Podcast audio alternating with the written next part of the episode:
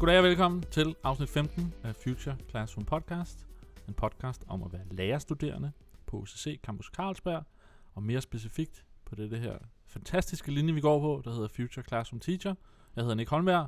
Jeg har min medvært siden over for mig, Josefine Brink Mulvad. Hvordan Ja. har du det, Josefine? Jeg har det godt, men jeg er lidt træt. Er, er det ikke dejligt at være i lab? Det er super dejligt at være i lab. Altså, jeg synes jo faktisk, at den her setting er meget inspirerende. Vi sidder faktisk midt i vores laboratorium og øh, indtaler lige pt. Ja. Og vi plejer at sidde i et meget lille bitte, bitte rum med fire små stole og nogle meget hvide vægge. Øh, I øvrigt også øh, lidt mindre lyd måske omkring Ja. os. Nu, men, nu øh, prøver vi at se, om det bliver godt Ja. efter vores øh, eksperiment på Læringsfestivalen. Ja. Så øh, tør vi godt at prøve at se, om lyden ikke bliver okay her også. Og Ja. så kan det være, at øh, det er en mere inspirerende baggrund. Det er en lidt mere inspirerende og en lidt mere levende baggrund, forestiller jeg mig. Ja. Og den ligger også lidt mere op til, at vi kan få lidt ild til hjernen. Ja. Uden at sige for meget om Det UCC's man øh, kan- udluftningssystemer. Hvad man kan mærke det sidste i afsnittet. Ja, Men ideen i dag er, at øh, vi vil følge op på Læringsfestivalen. Det vil og vi. så har vi optaget en masse interviews på Læringsfestivalen. Mm. som vi vil spille for jer. Og så vil vi lægge lidt op til dem og snakke lidt om dem. Måske ikke så meget, fordi ellers så bliver det sikkert for langt. Vi prøver at holde os inden for den kun lidt for lange normale længde, vi laver. øh, Ja. øh, og, og ja, vi har ni interviews tilbage, og det bliver sådan noget med tre per afsnit. Ja. Sådan cirkus. Øh, men inden vi går i gang med det, så vil jeg lige øh, følge op på de sociale medier. Uh, ja, der har faktisk været lidt aktivitet den her Ja, gang. det har vi. Og det, det er lidt sjovt, fordi at øh, Mathias Lange Nielsen, som jeg er gået i folkeskole med, Ja. og som nu er gymnasielærer, Ja. han har tweetet noget ud, som vi også har delt internt og snakket internt om, som Mhm. er et øh, en podcast, et radioprogram hos Radio 24 som, øh, og en serie, de har kørende med Lone Frank, som hedder 24 spørgsmål til professoren, Mhm. hvor de tager et emne op og snakker. Og det her emne var om, øh, om det her med digital i undervisningen, og gør det, og teknologi, Ja. og alt sådan noget. Og Var det der- spændende? Var det godt? Øh, ja. de havde Jesper, Jesper Barslev, tror jeg han hedder, det er rigtigt, øh, som er ved at skrive en Ph.D. om, om det her inde øh, og snakke, ham og Lone Frank. Og øh, jeg svarede i øvrigt, Mathias Lange Nielsen tweetede det ud, en af vores, vores følgere også, Cecilie Ottsen, håber jeg siger det rigtigt, øh, endte med at tagge også og sige, hvad synes I? Og så skrev jeg, jeg synes, vi skal tage det op, og det tror jeg, vi gør ultra kort, fordi at vi måske gerne gemme det til, selvom vi har haft det op i et tidligere afsnit, vil vi måske godt, jeg tror, vi gerne vil gemme det til et helt, det kan være, at vi laver et debatprogram, hvem ved. Uh. Øhm, men øh, så bare ultra kort, tror jeg. Jeg vil lige sige noget, så kan du sige, om du vil sige noget, og ellers så Jeg har ikke lyttet til det Nej. endnu. Det har simpelthen Så er ikke det perfekt, så kan jeg bare sige det, som Du kan sige en hel masse, så kan jeg sidde og give dig øh, fordi ret vi, i det. Men vi har haft emnet lidt op før, Ja. med, hvor vi havde nogle artikler. Øh, og jeg tror i virkeligheden, selvom vi begge, at vi to virkelig står en så nogle gange lidt forskelligt på nogle ting, så tror jeg faktisk, at vi begge to er enige meget der, hvor Jesper gerne vil hen. Ja. Øh, og også tanken om, at der kommer noget evidens Ja. for, hvordan teknologi påvirker undervisningen.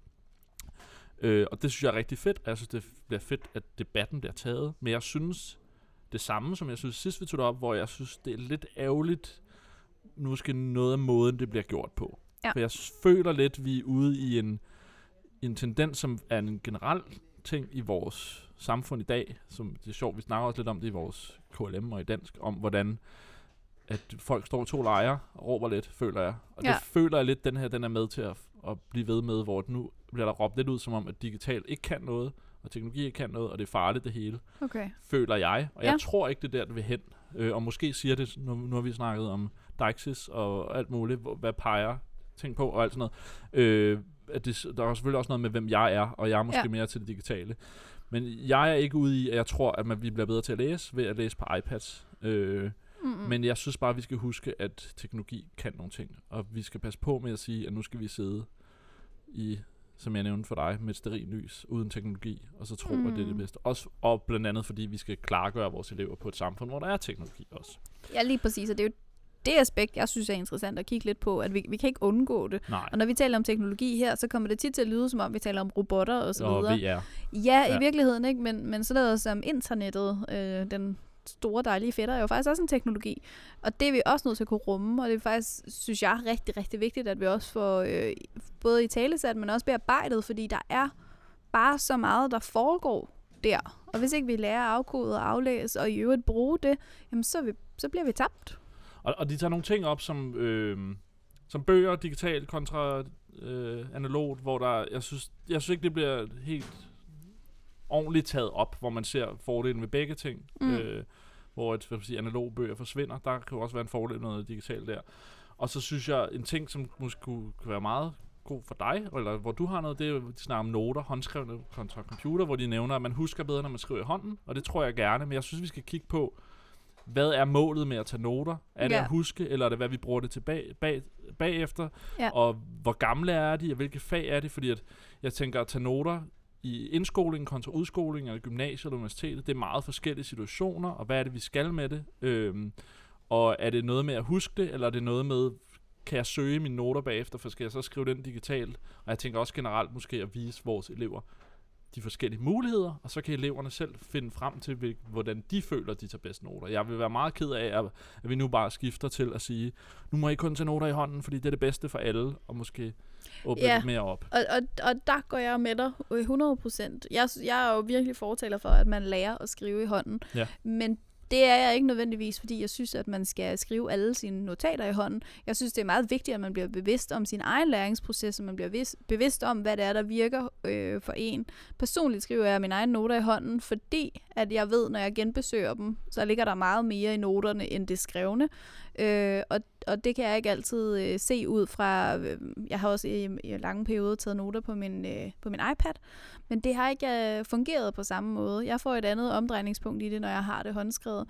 Øhm, og derfor ved jeg, at det virker for nogen, kan man sige. Ja. Men jeg synes også, der er noget, der er noget helt sådan identitetsdannende og alt muligt i den her øh, håndskrift, som jeg synes er super vigtigt. Men det hører lidt uden for den debat med, om, om hvorvidt at, øh, Og det, det er også være det, der var digitalt eller ej. Ja. Og jeg vil også sige, jeg er sådan set med på at tage noter i hånd, og det har jeg også gjort i nogle situationer. Jeg er gået mere over til det digitale, fordi jeg ender med ikke at kunne finde tingene, når jeg skal bruge dem alligevel. Mm, så ja. jeg har allerede fra jeg vil være filminstruktør og manuskriptforfatter, notesbøger på notesbøger, ja. og jeg, der har jeg mås- måske er det, fordi jeg ikke har lært at sætte system i det, men selv når du skal finde, det fungerer ikke for mig, og specielt slet ikke der, hvor vi er nu, med, øh, med at skulle bruge det til noget eksamen. Men det er jo nok om det, jeg synker, nu blev det måske alligevel en længere snak, end det var meningen, sådan er det. Men øh, jeg kunne rigtig godt tænke mig, at vi tog den op Ja. senere, og Mm. måske med nogle flere, og måske, jeg ved ikke, om vi skal vente så langt, jeg ved ikke, hvor langt han er i sin PhD, men jeg kunne også rigtig godt tænke mig, at, at vi, at PhD måske bliver færdig, så vi har mere noget, noget håndgribeligt at tage fat i, og noget evi- evidens. Øhm, Ja. Fordi han er jo ikke færdig med at kigge på de her ting. Men nok om det. Det kommer vi tilbage til. Ja. Og vi vil jo stadig meget gerne høre, øh, jeg lytter, om øh, hvad I tænker om det stadigvæk. Så kan vi bruge det til. Og også måske melde ud, om, øh, om I synes, det kunne være interessant at tage sådan en debat op igen, og måske gå mere i dybden med den. Mm. Men en af de mennesker, vi var så heldige at få lov at, at spendere noget tid med på Læringsfestivalen, Mm. det var Maria Langworthy, Ja. som holdt to foredrag, gjorde hun mig opmærksom på i interviewet, ja. ude på Læringsfestivalen. Øhm, og hun er en, en person, som har været med i det her ITL Mhm. Research, Ja. som har været, der har været flere firmaer og organisationer, så vidt jeg kan forstå, der har været inde over, men det er Microsoft i hvert fald inde i det, støttet nogle penge.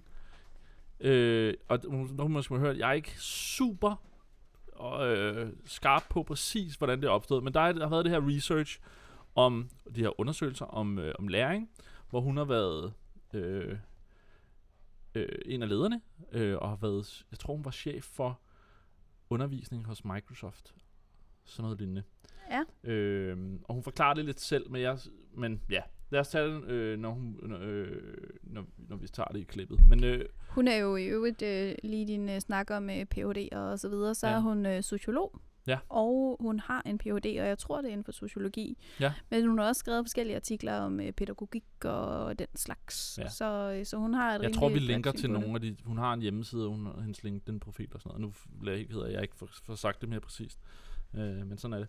Øh, men vi snakkede med hende, og i forbindelse med at med det her ITL Research, og hun har arbejdet med, i gang med, hun har været med til at udarbejde 21st Century Skills, som vi jo arbejder en del med.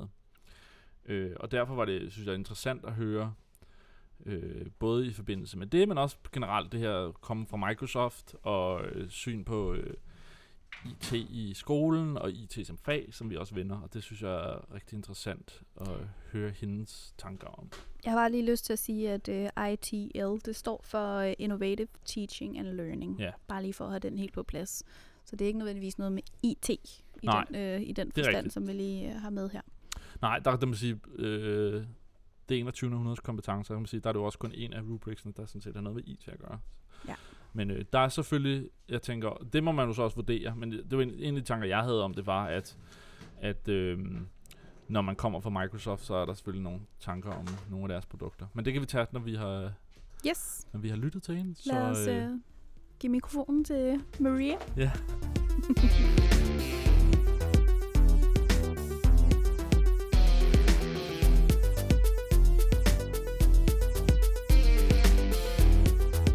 I am lucky enough to have been joined by Maria Langworthy, who has worked uh, on the ITL research, developing 21st century skills. Uh, she's, you've had a lecture here at the at the conference. Can you talk a little bit about sort of how uh, ITL research came about and how it's been working with 21st century skills? Absolutely, happy to, and, and thanks for the opportunity to talk today. So, um, originally, Microsoft wanted to do a research project in education about their programs, and I was a consultant to Microsoft at the time, and I said, eh, if Microsoft defines the research, it's not going to be that interesting to people. Um, why don't we instead ask educators, like, what are the questions on their minds? And it turns out when we did that, there was a very clear uh, consensus emerged that um, education and education leaders were really concerned about how to change education systems to better prepare kids for life in the complex, globalized, digital driven world of today, the 21st century. Um, and so we started to design a research program around that question How do you transform teaching and learning holistically to develop the kinds of competencies that kids are going to need to thrive in today's world? And with that as kind of our core problem, we had to develop research methods to measure those things at the student level, at the teacher level, at the whole school level, and at the system and policy level. And that's what became ITL research. And those research methods had to very clearly define what these competencies were. And it turned out that definition, and those are what's embodied in the 21st century rubrics. Um, became a very, very powerful lever for teachers to use in understanding very, very concretely how they could design lessons and learning activities that gave kids a deeper experience of building these kinds of competencies. It gave them kind of a scaffold or a framework for taking their existing lesson plans and saying, okay, if I tweak it, if I change this from an individual to a group project and have kids each have a role uh, in that project that's very clearly defined, that gives the kids a much richer experience of collaboration and gives them uh, experience and practice in developing that kind of competency. And our research showed that when the learning activities were designed using these rubrics at higher levels, the student work almost universally uh, demonstrated that kids were developing those skills. So it's all about the design of the lesson, and that's what these rubrics uh, end up uh, providing. You also ha- had a lecture here. Mhm. Uh, can you talk about what, what that was about? Absolutely, absolutely. So that was uh, really, I did two keynotes here, and one of them was for teachers, and one of them was for teacher trainers or teacher educators that work in colleges and so forth. And in both cases, we were trying to make the case for why. Um, these 21st century competencies need to become a focus of learning design and, and the learning environment. And I think the most compelling case is not made by me and my research, it's made by the students who have taken these rubrics and done simply amazing things, like we're seeing here at the showcase uh, student projects here at the Learning Festival. Um, some of these projects just blow your mind about kids who are solving real world problems and developing them at very young ages. Yeah. They're like 13, 14, and they're building products. We've seen two that will probably be built uh, and and sold in shops here in Copenhagen that have to do with heating up your bike seats Yeah. and your handlebars and uh, recharging your battery on your phone based on the energy created while you're bicycling. They're brilliant ideas, and it really shows you when you design learning challenges and learning experiences in this kind of way what it's possible for kids to achieve and develop. It's it's really interesting you mentioned that because like when people ask me, so wh- what has been the best thing you've seen in the show, and it's right next door with the with the kids who have worked with these like very real problems, and it can be sort of in the we're trying to save the world, but it can also be my behind is cold in the winter when I'm biking. I want to solve this, and they have sort of taught themselves uh, knowledge and skills that are actually above their age in, in normal school. in every place where we've seen this applied in this kind of way, um, the kids who are doing these things, their learning in every other subject just dramatically accelerates. Um, and I mean, be, it was these kids in the story of this happening in Denmark that is part of the National Learning Festival, and that there's kids using these competencies and showing their work. That's what brought me to Denmark. I get invited to give talks all over the world, and I have children myself, and I don't go very often. But when I heard, wow, Denmark is really at the forefront of starting to develop the student aspiration and the student side of doing these competencies, I said, I want to see that. I wanted to bring my own children, my own daughters here to see it as well, um, but they didn't want to take time off their school. But uh, I'm certainly taking lots of pictures and want to share it and, sh- and share the story of what's happening here back at Microsoft as well, because I'm very, very certain that this is going to inspire our education product development teams at Microsoft. So, what do you think is the key to sort of keep this uh, momentum happening? alive. Yeah. and that's where uh, the other reason I'm here in Denmark is because we are setting up partnerships between Microsoft, UCC, and municipalities, starting with Gladsaxe, uh, to uh, try to implement these competencies in teaching and learning at scale, like across all the schools. And the key there, there's several keys there the main one is um, how do you introduce teachers to these ideas and show them the uh, process for redesigning learning in this way and do that in a way that really engages teachers because they're the linchpin to the whole thing. And the second challenge there is to um, be able to measure uh, those uh, the, the learning activity designs and what the impact is on student learning so that we can uh, create an evidence base and a story that we can bring to policymakers nationally at the Ministry of Education so that these things become formalized. And uh, if there's one or two teachers doing this kind of work and students are super excited, it's never going to be able to be sustained and spread across the whole school unless it becomes a part of the formal curriculum. And so that's what we're trying to do with Gladys Gladsaxe and UCC is establish a way to make it part of the formal curriculum and that involves some measurement and seeing what the impact is and that's where Microsoft is delighted and I'm delighted to be part of a partnership the first one globally that's really trying to do this in a very systemic way so that we can see what the impact is and measure the impacts on student engagement, on student motivation, on student social skills, and of course on their progress in academic subjects as well. All right. So one of the the coolest things about about this for me is like I've worked on this board game that I just showed you, Yeah. uh, where we where we use 21st century skills and sort of trying to introduce it and and I would love to hear your thoughts on how we can try to take it to the next level or how we can use it and you know use self-evaluation you know get better make Absolutely, abs- I, I just saw it, and, and thank you for Yeah. taking me through it. And it, it's brilliant. It's a, a fantastic idea, and it really encapsulates in a very engaging way the core part of what we've seen internationally about teachers beginning to use these rubrics to redesign the learning experience. And that core part is the conversation that teachers have with each other about um, what in the learning design, what in the lesson plan really gets deep on these competencies and it's only you can you can look at a rubric you can read it and it's oh that's theoretically interesting nice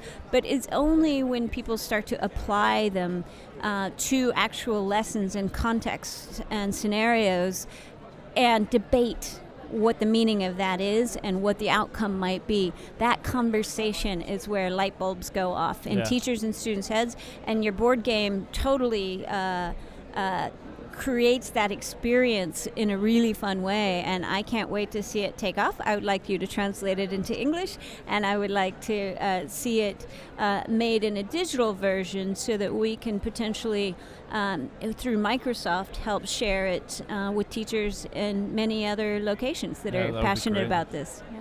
So finally, one thing I'd like to hear your thought on is one of the big discussions in Denmark recently has been whether technology or IT should be a subject on its own Yes. in, in school. Do you have any thoughts on that? I do, I do. And, um, you know, you would think from Microsoft that I would be totally enthusiastic about that. I'm not, actually. I think uh, technology should be in the background and at the foreground should be solving real problems. Um, that technology is a means to solving those problems and to understanding things.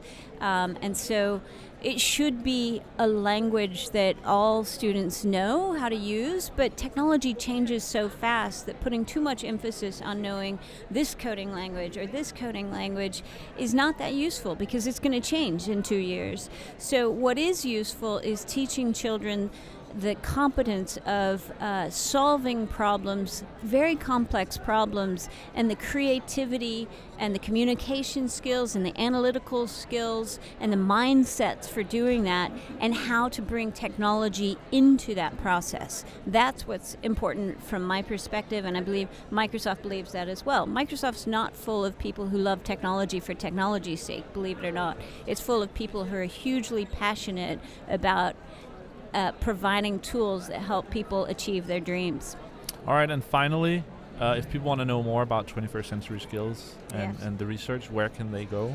Where can they go? They can go to, to a search, a Bing search, of course, on uh, Microsoft and ITL research. And there's a page there that provides all the tools, the rubrics. Uh, there are school survey kits that can be linked to. And it also has some videos and shares the history and provides the reports on the ITL research. Great, and we'll put some links in the show notes as well for that. I think. Fantastic. Thanks for joining. Thank you, and, and good luck, Denmark. Teachers all over the place. You're, you're going to be the next story I tell all over the world as you implement this across your whole system. I Oh. can't wait. Thank you.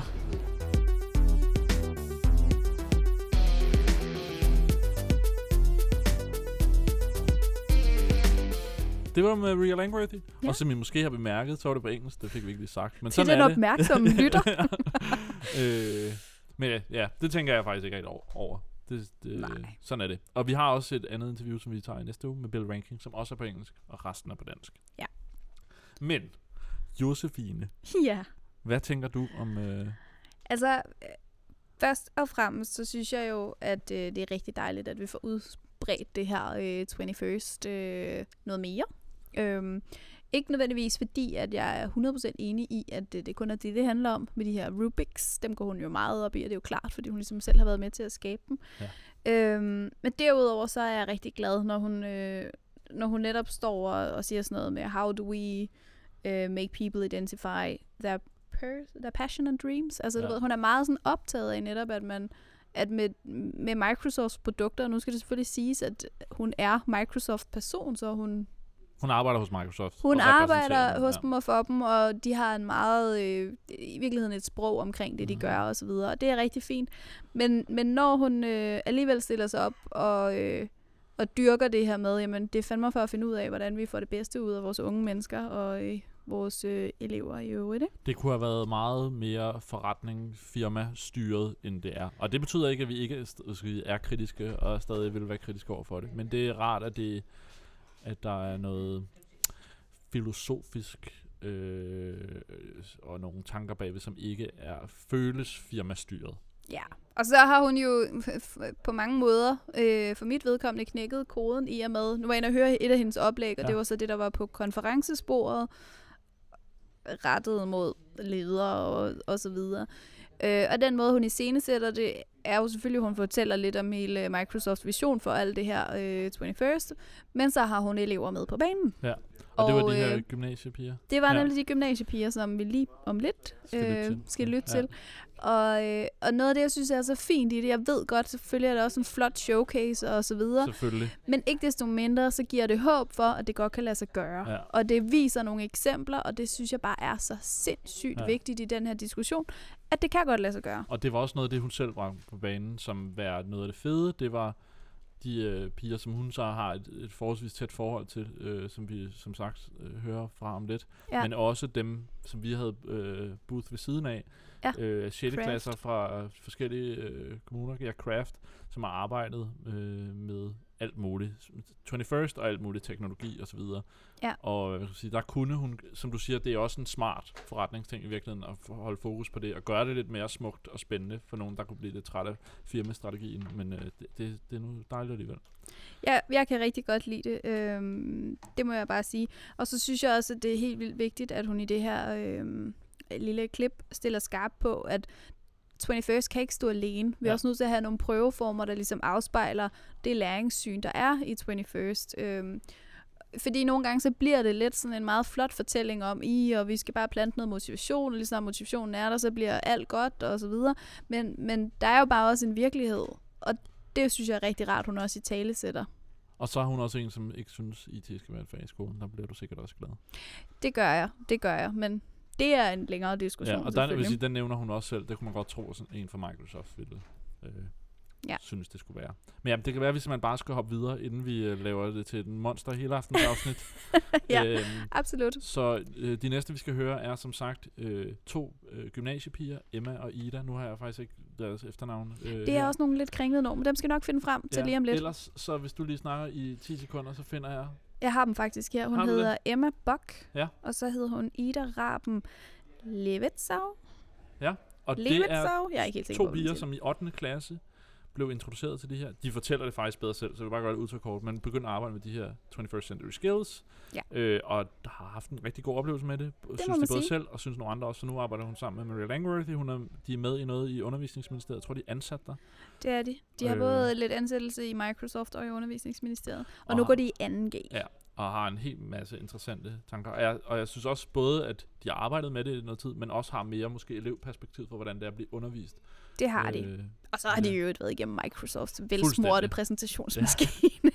og det er super fint, ja. altså fordi det giver dem noget sprog for, for det, de gerne vil have ud, og det, det skal man også men anerkende. de er super fede. Så Så. Ja, de er så søde. tag et, øh, tag et lyt. Ja.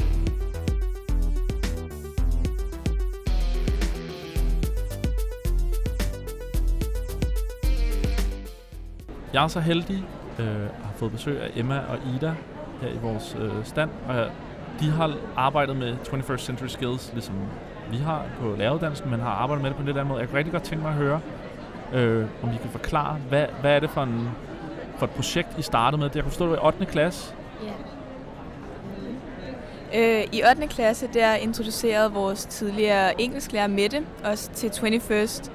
Og øh, vi var de lidt generte og stille piger i skolen, som egentlig var dygtige nok, men blev som lidt overset og ikke rigtig turde at sige noget i timerne.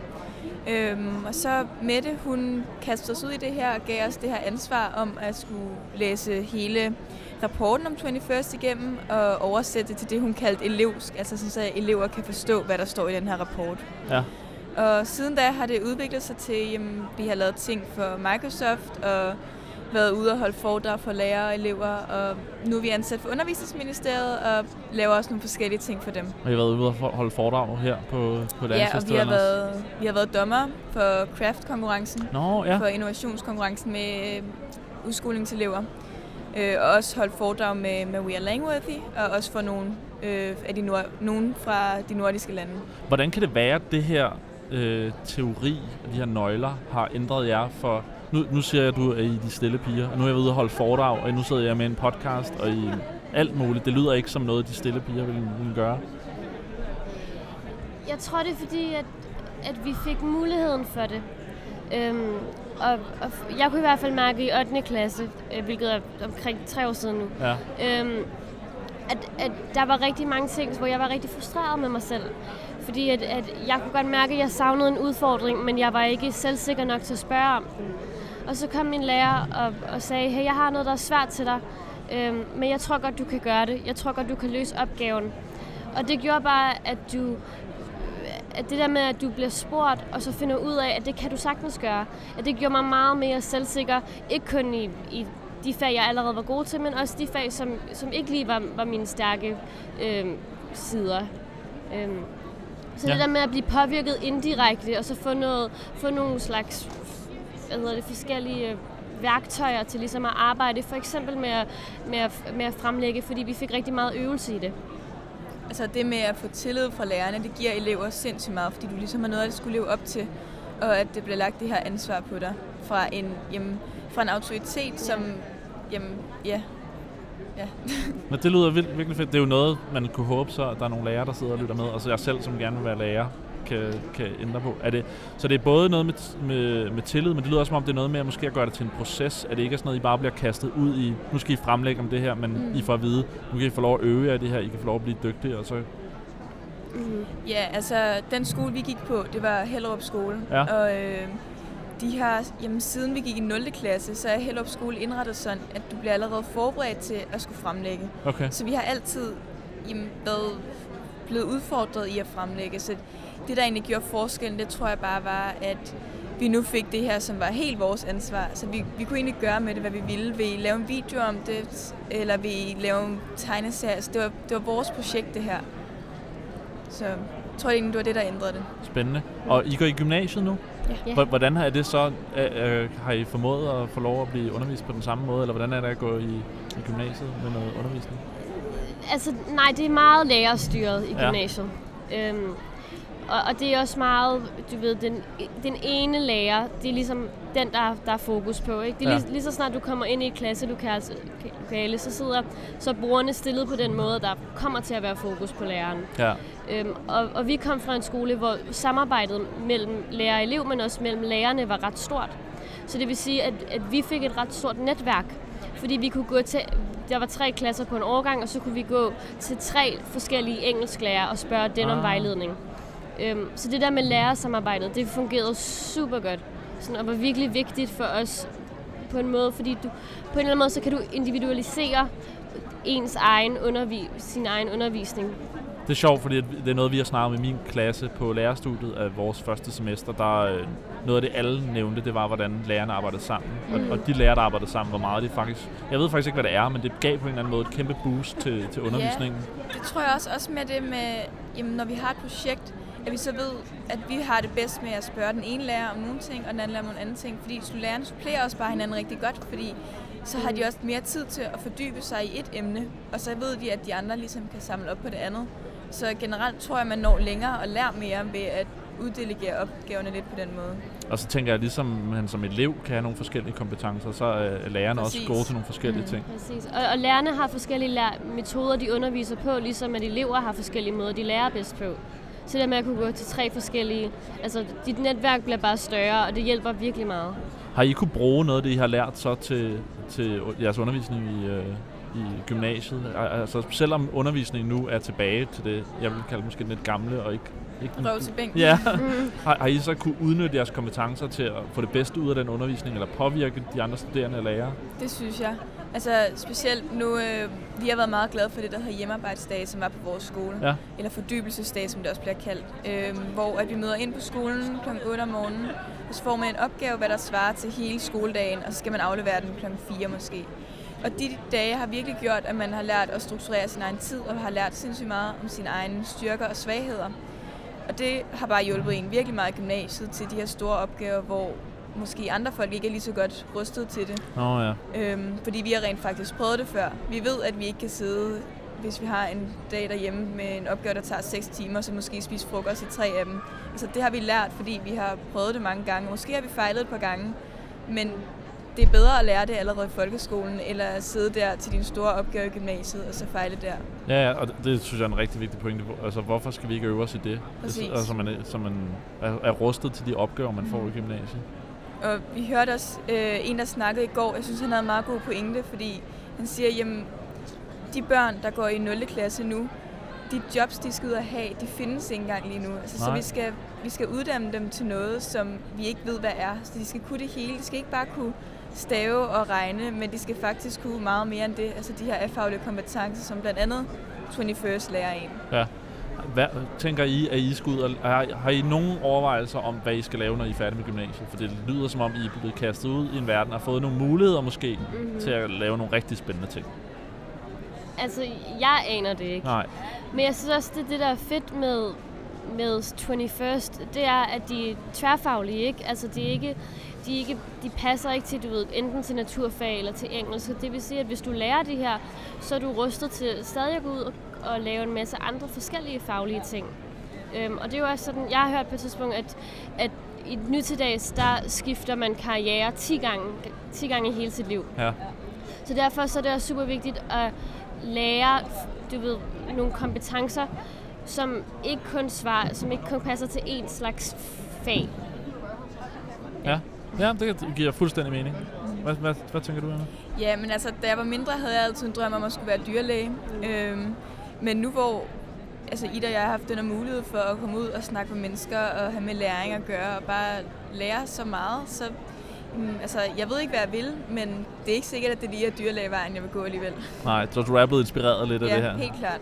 Også bare det, de muligheder, det åbner, fordi altså, det kan godt være, at selvom Ida og jeg måske ikke får det højeste snit til at komme ind på lige den uddannelse, vi vil, så har vi bare så mange mulige altså, åbne øh, veje til at gå lige der, hvor vi vil, fordi vi bare har haft det her studiejob, som bare altså, har været ude og fremlægge for så mange og fået så meget erfaring. Og det er det, folk søger efter, når man kommer ud. Men jeg tænker også, en af de ting, jeg faktisk er mest træt af, det er, at nu har jeg egentlig, jeg gik i gymnasiet, så har jeg været ude og lave en masse ting. Jeg har været ude og arbejde med i filmbranchen og computerspil og alt muligt, inden jeg endte med at ville, ville være lærer. Øhm, og det er lidt sjovt at tage tilbage på, for det er nu det 10 år siden, jeg gik ud af gymnasiet, og der fik jeg nogle karakterer i nogle fag, hvor der er nogle fag, jeg er blevet meget dygtigere til siden da, øh, og der er andre fag, jeg overhovedet ikke kan huske, hvad jeg lærte for 10 år siden. Og alligevel så bliver jeg bedømt på de karakterer, jeg fik for 10 år siden. Hvad, hvad tænker I om sådan noget med, med karakterer? Nu snakker jeg om, I, I, det lyder som om, I måske kunne få nogle karakterer i et fag, hvor I virkeligheden ved en hel masse om det, uden at... Ja, Ja. ja altså, vi, øh, jeg tror, vi er meget enige om, at karakterer, det er sådan, jamen, det er lidt ærgerligt, at det er blevet på den måde, fordi det bare er det, der er altafgørende for, om du kommer ind på dit studie. Men altså, som en af dem, vi arbejder sammen med, siger, at Microsoft de ansætter på karaktererne, men de fyrer, fordi folk ikke kan 21st. Fordi, Ja. Altså, det, det andet, det er bare det, de kigger efter, men selvfølgelig karaktererne, det er førstehåndsindtryk, og det er det eneste, du ved om personen. Så jeg synes, det er ærgerligt, at det er på den måde. Men, det, men kan, den måde, du... Den måde, du bedømmer folk i gymnasiet, som er med karakter, reflekterer bare ikke den måde, du bliver bedømt på i det virkelige liv. Nej. Og det er ærgerligt, at man ikke, du ved, forbereder folk til det virkelige liv, for det er det, uddannelse skal. Ja, det, det skulle være mit næste spørgsmål. Jeg tænker, fordi når jeg er ude i, skolerne nu, så lyder det som om, at, at fra elevernes side, der er meget stor fokus på eksamen. Det er det, man er lidt bange for, og man arbejder meget hen, hen imod. Men man arbejder i virkeligheden ikke så meget hen imod at skulle lære noget. Det handler om at skulle præstere til en eksamen og få en karakter. Og det, er også, det kan jeg mærke. Altså, mm. altså, hvor mange gange eksamen bliver nævnt på en normal skoledag, det er utroligt. Øh, og det er jo super frustrerende for os, fordi vi ved jo, at sådan er det jo ikke. Øh, og, og det på en måde giver en ro, fordi så kan vi sige, okay, det de står og taler om lige nu, det er måske ikke det, som rent faktisk gælder, men til alle dem, som ikke ved det. Så derfor så er det også virkelig vigtigt, at elever bliver bevidstgjort omkring, at det ikke kun karaktererne, der gælder. Fordi man hører så meget, så meget om elever, som går ned med stress, fordi at, at man, der kommer så meget fokus på det der karakter. Ja. Og det er også mere det med, du, som du også sagde, at det handler mere om karakterer end egentlig at lære noget, fordi Mm. du lærer jo at skræddersy din opgave til, hvordan din lærer giver Ja. dig den højeste karakter. Og det er jo ikke den bedste måde at lære på, fordi bliver du så overhovedet udfordret, det er det samme, du skal gøre hver gang, fordi at det ved du, at du kan score høje karakterer på. Men det bliver bare et meget, meget snævert område. Hvis du så lige pludselig kommer ud til, altså hvis du får en ny lærer, så bliver du lige pludselig udfordret, og så, så ved du ikke, hvad du skal, Så skal gøre. du arbejde på en helt anden måde. Ja, og det er jo der, du burde blive udfordret noget mere. Ja, helt sikkert. Okay, sidste spørgsmål. Øh, hvis I skulle give et råd, nu sidder, håber jeg, vi plejer at have nogle lærerstuderende og nogle lærere, der lytter med til den her podcast. Hvis I skulle give dem et råd til, hvordan de kunne gøre deres undervisning bedre i fremtiden, hvad skulle det så være? Hvad skal de fokusere på? Slip kontrollen. Slip kontrollen, ja. ja. Øhm, og lad eleverne, altså give eleverne lov til at opdage selv. Øhm, lad være med bare at stå og fortælle dem, men, men fordi at, at viden er så, det er så nemt at få viden i dag. Ikke? Du kan lige gå på internettet, og så har du fundet ud af alt, hvad, du, alt, hvad, der, alt, hvad der er at vide om DNA for eksempel. Ikke? Så husk, at, at lærer, rollen som lærer har ændret sig nu. Øh, så du er ikke den, der giver viden, du er den, der hjælper til, hvordan de kan opdage den. Du, den, du lærer, hvordan eleverne skal lære. Men jeg synes, et godt råd det er også at snakke med eleverne. Ja. Altså, lær af dem, fordi det er ikke kun eleverne, der kan lære af jer, men I kan faktisk også lære meget af eleverne. Nu hvor vi har været herude i de her to dage, altså, man finder bare ud af, hvor meget elever kan. Så når de får lov at tage det ansvar, som de får, og altså, de kan bare udrette sindssygt meget. Fedt. Tusind tak, fordi I gad være med. Det var slet. Det var så lidt.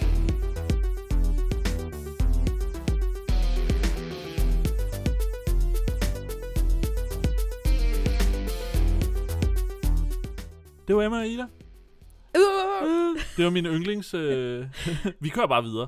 Der er Ja. ikke noget der. Øh, de var, øh, det var nok mit yndlingsinterview. Ej, der var nogle rigtig Ja. mange fede, men jeg synes, det var vildt fedt at høre Ja. fra nogle unge mennesker, at det fungerede, og hvad det havde gjort for dem. Og øh, nu har de fået nogle af Kenneths noter. Øh, og jeg synes faktisk, der var specielt en af dem, øh, som, jeg synes, som jeg synes var rigtig godt, som han også har skrevet ned, som jeg tænkte over. Da jeg interviewede dem, Dejligt at høre, hvad du Øh, tænker. Åh, oh, hvor er streng. Ejerskab af projekter skaber engagement. Ja. Det var, det var virkelig den ting, der den slog mest igennem for mig. Jeg, man kunne selv høre det lidt øh, til sidst, når jeg spurgte ind til sådan lidt, hvad er det vigtige og sådan noget. Men, Ja. men det synes jeg virkelig var en, man, man skal tænke over, som jeg, jeg føler, vi også selv har taget op i vores klasse. Ja, absolut. Hvad tænker du? Jamen, jeg synes også, at noget af det, der giver mig lidt øh, mod på det her, det er at fornemme, hvor meget det har fremmet dem, ikke bare som elever, men som mennesker, at de rent faktisk har fået lov til at tage fat i det her projekt, og de faktisk har fået lov til at tage fat i det over en længere periode, øh, og arbejde det helt ind under, øh, under huden. Og så er jeg jo bare så glad, når de sidder til sidst og fortæller, at øh, karakterer, det er faktisk ikke det vigtigste i deres liv. Ja.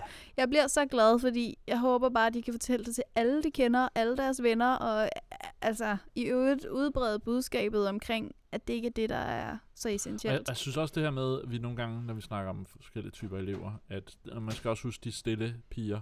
Og det her er nogle af de stille piger, som faktisk har oplevet, at det her var en fed måde at arbejde på os. Ikke Ja. at det her det er løsningen på alt, men man skal nogle gange tænke over at introducere øh, dine elever til, til noget andet. Det kan godt være, at de faktisk arbejder bedre på en anden måde. Ja. Og, og ja, give dem noget ansvar. Ja. Øh, Helt sikkert.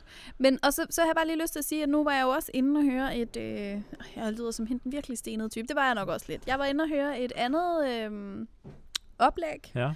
af, af nogle mennesker, som kom ud fra nogle kommuner, fra nogle skoler osv., som rent faktisk har, øh, har testet nogle nye prøveformer. Og en af dem der, de har sat øh, den her projektopgave øh, lidt i et andet perspektiv, som, øh, som de meget pænt sagde, eller det ved jeg ikke, om det er pænt lige frem, men de vil gerne væk fra anoreksi-opgaven og over til øh, den problembaserede opgave. Øh, og det, ligger, det læner sig jo meget godt op af i øvrigt 21st og så videre, men, men øh, der er altså nogle bevægelser derude, der gør, at øh, vi kan få iscenesat det her, så at det ikke bare bliver ord, men at det også bliver noget, man kan blive testet på og målt på, fordi det er jo en del af folkeskolen og Ja. skolen i det hele taget. Så det synes jeg bare var meget opmuntrende. Helt sikkert. Det, øh, Jeg tænker hastigt videre Ja. til UC Syd. Menneskene, vi mødte, oh ja. som jeg heller ikke, jeg er rigtig dårligt forberedt endnu, kan jeg mærke. Kan du huske, hvad de hed? Du har også navne på dem alle Og sammen, de måske? hed Marie Dein og Martin. Hed han Martin? Det er så sløjt. Vi kan slet ikke huske det. Øhm, men øh, du, du kan måske øh, forklare, øh, hvem det er, for det er nogen, du løb ind i, fordi du var med i noget. Ja. Det er... Øhm... Ej, undskyld, jeg falder også lige helt fra. Ja, jeg, jeg, har deres, på jeg har deres navn Nå, men altså, vi var jo med i den her digitale læringspris. Ja. Øh, som er udløjet af KMD. Ja. Og øh, udover at det var en øh, oplevelse i sig selv, så var vi så heldige at møde vores øh, medkonkurrenter i den her øh, konkurrence. Og dem, som vandt førstepladsen, dem, øh, det er dem, vi skal møde Ja. øh, lige om lidt og dem, der er med i interviewet, det er Marie Dein og Jesper Aarhus. Nå, Jesper. Øh, og de var en gruppe på fem i alt. Ja. Øh, og de andre, der var med i den gruppe, er Morten Nielsen, Nikolaj Edsbjerg Hansen og Claus H. Hansen. Ja. Så har vi fået navnet på plads. Om det var godt. Det var godt. De har simpelthen øh, lavet et projekt, som de heldigvis ved meget mere om, og øh, vil fortælle om lige om lidt. Ja. Men, øh, men det var meget opmuntrende at finde ud af, at øh, vi går og piller os selv lidt i navlen her, og tænker, vi er de eneste, ja. der fokuserer på teknologi og på de 21. århundredes kompetencer osv. Men det er faktisk også noget til Esbjerg. Ja. De har faktisk rigtig godt fat i det, og udover at øh, de har godt fat i, øh, i læringssynet i sig selv, så var de bare nogle rigtig søde mennesker, og nogen, Det som, det, øh, som vi, øh, jeg i hvert fald selv rigtig godt kunne forestille mig, at vi kunne samarbejde med på sigt. Hmm. Øhm, de Og var også, gerne vil snakke med igen, helt Ja, sikkert. lige præcis. Og jeg ved, at nogle af dem de kommer til København inden så længe, og øhm, vi håber, at øh, de står ved vores aftale om at komme forbi og drikke en kop kaffe eller et eller andet og se øh, labbet her, som Ja. vi sidder i nu. Øhm, og jeg synes bare, det kunne være så fantastisk, hvis vi allerede nu kunne begynde at danne øh, faglige netværk øh, baseret på, øh, på de interesser, vi også har, øh, men på tværs af landet, og det ikke bare bliver sådan en ja, UCC-gruppe her, men Ja. ja. at vi kan gøre et, lave et fælles projekt ud af det. Jeg, jeg blev kastet lidt ind for siden og skulle interviewe dem, men jeg er helt enig, super, og du fik snakket mere med dem, end jeg gjorde, men jeg er også super søde og fede og kloge og alt, alt det der vil en hel masse, og det er måske det vigtigste i virkeligheden. Og selvom de var mine konkurrenter, så synes jeg for alvor, de fortjener førstepladsen. Ja. Det må jeg Rigtig indrømme. dygtige. Men lad os høre, Ja. hvad de gik og lavede. Det synes jeg. Det kommer her. Mm.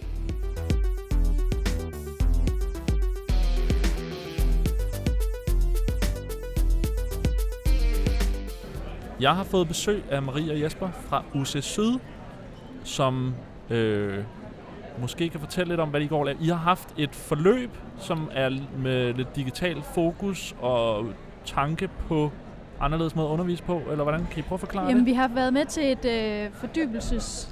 Hvad det hedder? Et Ja, øh, specialiseringsmodul, Ja, der hedder IT Didaktisk Design. ja, Øh, og det handler om, jamen, hvordan vi egentlig bruger de her øh, jamen, IT-virkemidlerne i undervisningen.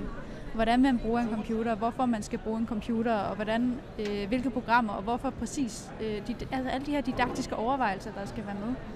Og i det her, der har vi så haft muligheden for at lave et øh, forløb, som vi så har stillet ind til KMD Educa.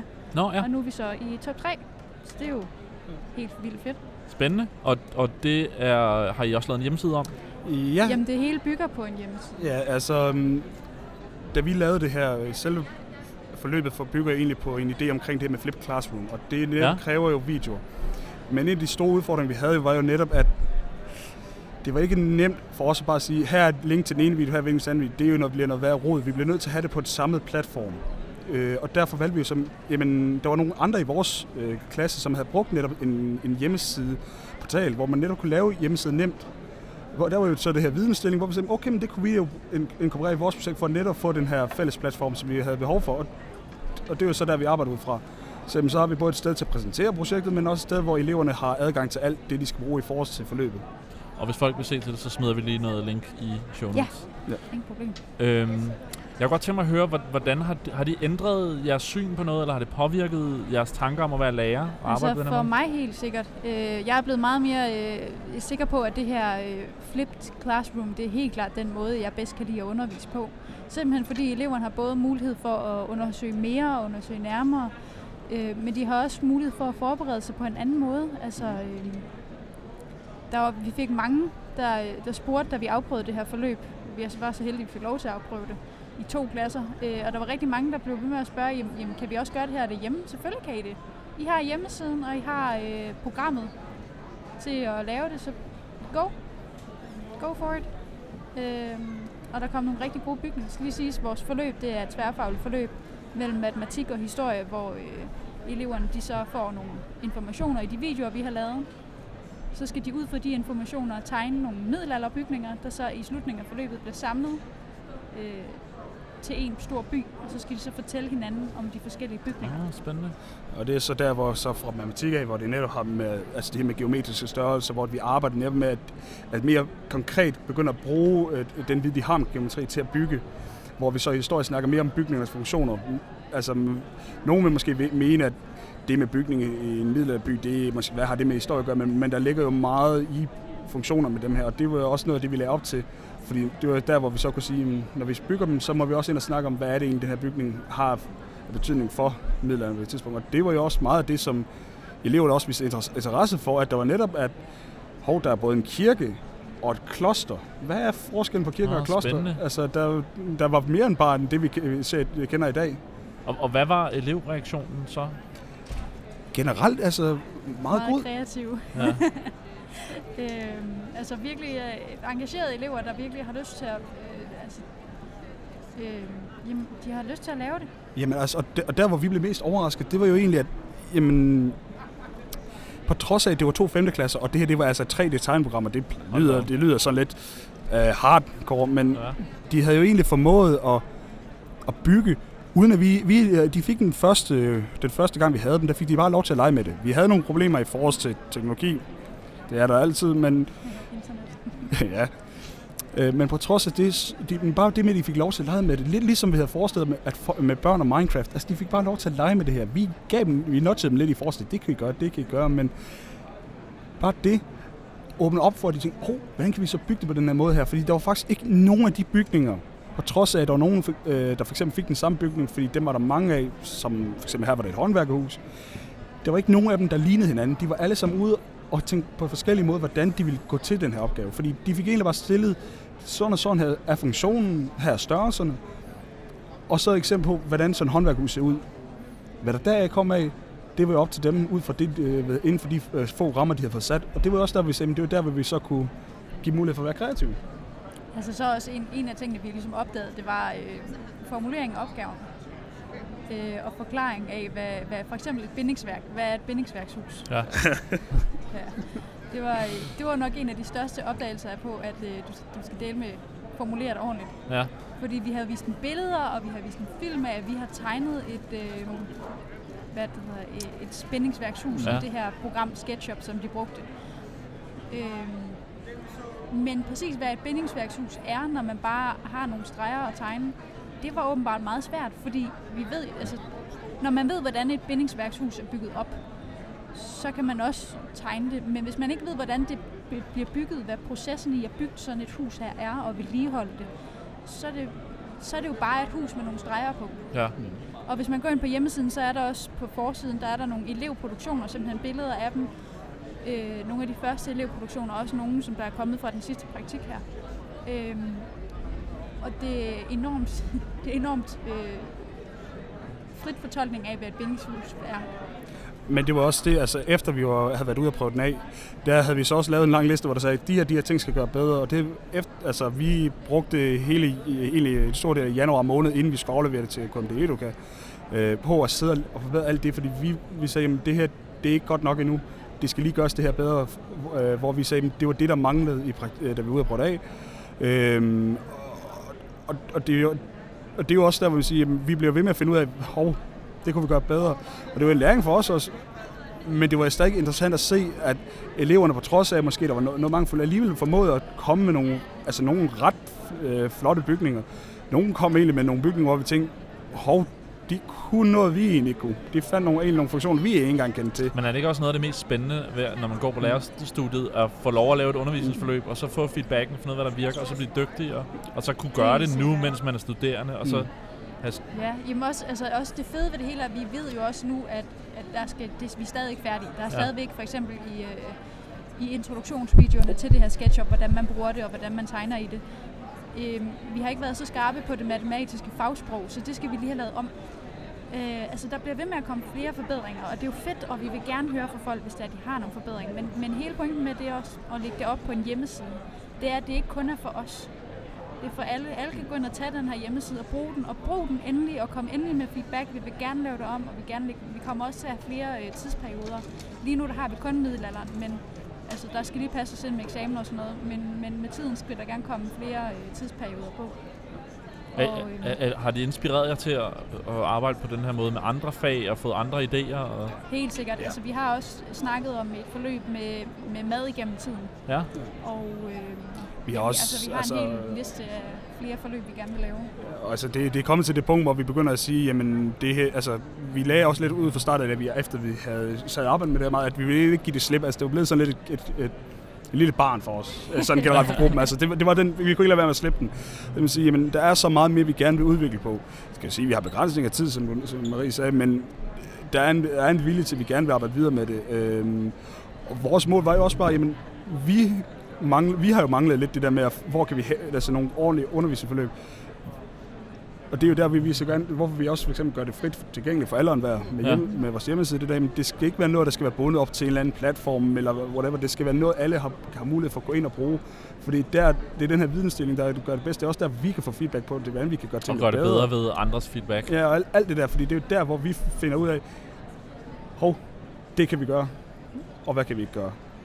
Og der, er- altså det er specielt også ting i forhold til lærerstuderende, for det er jo der, hvor at vi kan, vi, vi kan, når vi kan dele med hinanden, det er der, hvor det, der, der vi får egentlig mest ud af det, og får egentlig for også se, hvad andre lærerstuderende har tænkt. Nu, nu har jeg ikke forberedt jer på det, men en af de ting, jeg har spurgt mine medstuderende om, det er, om de har set noget spændende ellers på messen, eller noget, I stødt på, som I tænkte, det var fedt. Hvad har vi ikke set? Altså, lige heroverfor, der er der jo øh, den her stand med Build a World. Vi har jo kigget på Minecraft, Ja. og faktisk overvejet, om vi skulle have, fordi øh, SketchUp er et fantastisk godt tegneprogram. Det er brugervenligt, og det er online, og det er, jamen, helt vildt godt. Men når vi, vi oplevede her i den her 5. klasse, at det var fint, og de kunne godt følge med til det, men pro- vi får problemer under 5. klasse. Så hvis vi skal lave nogle tidsforløb, eller nogle, nogle forløb, undervisningsforløb, hvor vi altså på samme princip, øh, så skal vi nok have fat i Minecraft, eller noget, der ligner. Kan jeg klart anbefale det. Øh, så vi har kigget på Minecraft, og det koster faktisk kun en 20'er Ja. øh, på en Øh, licens, Ja, har vi fundet ud af. Altså, altså det 20 skal per licens per år. Ja. Så, ja, der er nogle Øh, forskellige education lige øh, udgave forløb, man kan have. Ja. Ja. Ja, og der kan vi så gå ind og lave vores egen verden. Og så, altså, Men der har jeg også, jeg har været til et kursus i København, Microsoft holder. Jeg ved, de holder, jeg ved ikke, om det har været der endnu, men de holdt også i Jo. Jylland et sted om, om, hvordan man kan bruge det. Det vil jeg klart anbefale. Det var, det var rigtig vi var lige spændende. oppe ved et, øh, til et foredrag om det også. Ja, Øh, eller oplæg. Nå, her på ja, messen, Ja, ja. her på messen. Det var også rigtig godt. Men det havde vi tænkt på til, øh, til de yngre klasser, hvis vi skal lave tidsforløb deri. Ja. Og så det her Build the World, fordi man kan meget mere i det program. ja det er men sådan det er et, samme principper med, at du bygger en blok. og det så ligner lidt Minecraft, men der er, det er ligesom, der er implementeret nogle... Øh, du kan have et vandkraftværk, og så fungerer det som et vandkraftværk. Og det, og det var der, der, hvor vi sagde, jamen, altså, helt sikkert naturvidenskabeligt og alt det der, men vi har også, nu er jeg en af dem, der, der gerne vil have samfundsfag, og jeg tænker også, der er, der er så meget i at snakke om det her med, med samfundsopbygning og alt det her. Der er så meget potentiale i det tværfaglige her, at, at det, det vil være en naturlig udvikling derfra. Ja, Men også, altså, så kan vi jo bruge det her program til de ældre klasser, Mm. øhm, så man både har SketchUp, men også har det her. Vi har også kigget på 3D-printere, det kunne også være relevant for vores forløb, fordi hvilken, altså, der er, jeg tror simpelthen ikke, der findes en bedre måde at vise eleverne det her med målestoksforhold nej. på, end at tage dem, samle det hele til en by, printe den ud i 3D, og så vise dem, sætte dem ned foran og se, se, prøv at se. Ja, Der er jo rent faktisk forskel på jeres bygninger. og 3D-printeren er også ved at komme ned i pris for det til at have med at gøre. Mm. Ja. pris. Det, det er jo lækkert. Det er jo, Jeg tror, den billigste, vi, vi har herovre er 2.000 kroner for en Ja. 3D-printer. Det, det er jo... Det er jo lige så meget som en almindelig printer, Ja. ja. hvis du skal have nogen lige Ja, ja. Ja, Og, og, det, og, det, og det var jo også sådan, at vi, når vi, da vi sad derude, altså vi rådte jo ikke ved, altså vi lagde op til, at de skulle huske at følge de her regler om, omkring størrelse, men vi vil jo ikke gå ind og blande os i, hvad eleverne laver. Fordi så er det også den læring, det så kommer ud af hinanden. Og, så vi, snak, vi snakker om, når, når, når udhuset er større end, større end hvad rådhuset, så har vi lidt et problem. Noget af det, jeg oplever nogle gange med det her med, øh, vi har kastet os ud i en podcast, og vi, nogen synes, vi råber lidt højt med, at vi vil tænke anderledes med undervisning, og vi vil bruge nogle teknologier til nogle ting. Det er, så er der nogen, der bliver lidt træt af at høre os på, på os. Har I hørt noget af det, og hvad, hvad, hvad vil I sige til de folk, som synes, at hvad er der nu i vejen med undervisning på den almindelige måde, og kan teknologien ikke ødelægge det, og, og så videre? Der er jo ikke noget i vejen med det. Der er jo ikke noget i vejen med at undervise på en almindelig måde. Men der er heller ikke noget i vejen med at undervise øh, med teknologien. Og den er der. Så hvorfor ikke bruge den? Eleverne har den i deres lommer, og det er jo også det, altså... Jeg hørte, øh, så et program her forleden, hvor, øh, jeg tror det var fra DR, hvor der er en, der siger, jamen altså, jeg kunne jo forklare helt igennem, hvordan et gammelt kassefjernsyn, hvordan det virkede, altså fysikken bag ved det. Det fascinerede mig. Men jeg aner ikke, hvordan min telefon, der ligger i lommen hver eneste dag, jeg bruger den hver eneste dag, flere Ja. gange om dagen, jeg aner ikke, hvordan den fungerer. Og det er også, altså, og, det er også bare det, man, hvis man bliver ved med at tænke den der, men, jamen, det gamle, det er jo fint nok, så glemmer lidt, jamen det er, det er det. Men der er så mange flere muligheder i at bruge netop den teknologi, som eleverne går rundt med. Eller andre teknologier, fordi det åbner op for nye måder, vi kan gøre det på. Nye måder, som kan fange elever, som før i tiden blev hægtet fuldstændig af af det her, af det analoge. Altså en tekst er en tekst, men hvis, vi ikke, hvis det ikke går ud i det her, bliver det her multimodal, altså på flere øh, til, altså for flere tilgange, men så er der altså stadig elever, der bliver hægtet af. Og hvis vi gerne skulle se, om vi kunne få flere med, så er det altså også en vej, vi skulle hen, specielt øh, ved, ved muligheden for at differentiere, bare for at gå i til et emne. Helt sikkert. Og så vil jeg sige, en af, en af sådan, man sige, den type elever, jeg har været bange for med det her, det har været de stille piger. Og der har jeg lige siddet og snakket med to øh, stille piger, sagde de selv, som fra 8. klasse blev introduceret til, til nogle af de her ting og arbejdet med 21st Century Skills. Og de har altså nu øh, arbejdet med Microsoft, under, ansatte af undervisningsministeriet, har været med i podcasten her også, men også holdt foredrag på Læringsfestivalen. Og det, de var, de var godt nok vilde, og det siger noget om, altså de stille piger kan, kan også godt synes, det var fedt. Og de snakkede meget om det her med at få tilliden og få lov at arbejde på en anden måde, og, øh, ja, og, og blive interesseret i noget og undersøge og selv ligesom, videnskabe, i stedet for at der står en lærer på en tavle og snakker. Og, og også det, noget af det, der var jo, at øhm, nu er jeg en af, en af de der drenge, der, der spillede det, da jeg var yngre, og det, gør jeg, det gør jeg stadigvæk. altså. Og jeg ved, øh, jeg, har aldrig, jeg har aldrig haft nogen faglige udfordringer, men jeg ved, der sidder elever derude, der er knæmt dygtige Ja. computerbrugere og spillere, men som måske halter det der.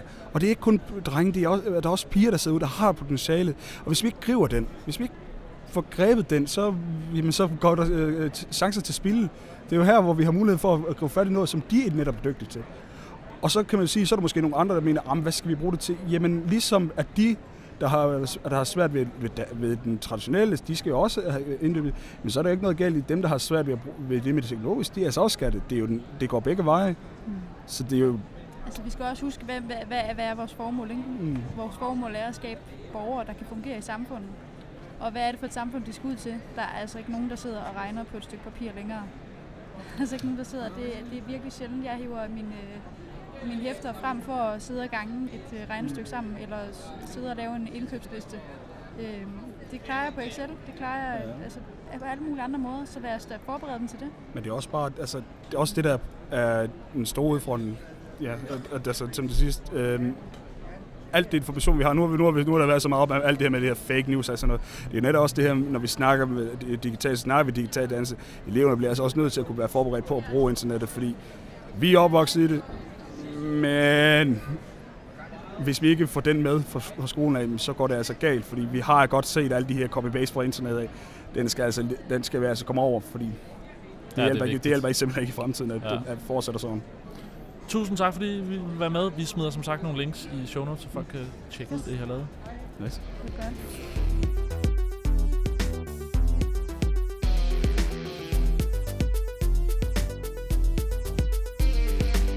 Det er godt. Det var øh, de dejlige mennesker for, øh, for UC Syd. Jeg bliver ved at være ved at kalde det UCC Syd, fordi jeg er så vant til at sige UCC, ja. men det er jo UC Syd, UC øh, med deres tværfaglige projekt i historie og matematik. Mm. Øh, vi vil ikke koge så meget mere såbe på det. Jeg Nej. synes, de siger det rigtig godt selv, og jeg tænker, at vi vil måske have dem en anden gang og gå mere i dybden med, hvordan de arbejder og høre mere til det. Og når de måske kan reagere på, hvordan det er, vi arbejder her med vores Future Classroom Lab. Øh, men igen, tusind tak til, til dem alle sammen. Ikke kun dem, der var med i podcasten, men til hele det hold for at være med på det her. Det lød som om, de var med på noget vidensdeling og gøre det her til en fælles kamp. Så det synes jeg er super fedt. Ja, det var en fornøjelse at møde dem. Dejlige mennesker. Og så øh, skal vi måske bare lægge op til næste uge. Ja. Hvor at, øh, vi har faktisk allerede fået lukket Jannik fra vores klasse med. Ja, ham glæder vi os til at sige velkommen til her Ja. i studiet. Så kan jeg lytte og lære Jannik lidt at kende. Mm. Øh, og der kommer vi blandt andet til at øh, tage interviewsene med Bill Ranking og Anders Hvid op. Ja, Øhm, så det kan I glæde jer til. ja Rigtig kan gode opleve interviews. mig helt starstruck og slappe ja. Øh, men ellers er der ikke så meget at sige andet end husk at følge os på alle de sociale medier. Instagram, Twitter og Facebook. Der hedder vi Future Classroom Podcast. Eller skråstreg Future Class Pod. Øhm, du kan også finde gamle afsnit. Mhm. Og øh, følge øh, de fremtidige afsnit øh, på SoundCloud eller på iTunes. Det har du nok gjort, siden du lytter til os. Men øh, hvis du nu er det ene og tænker på det ene platform og tænker, at den anden kunne være noget værd, eller har nogle kommentarer til, hvor vi ellers skal dele vores tanker, så vil vi meget gerne høre fra jer. Øh, og så er der ikke så meget andet at sige, jeg håber, I vil lytte med i næste uge. Mm. Tak for i dag.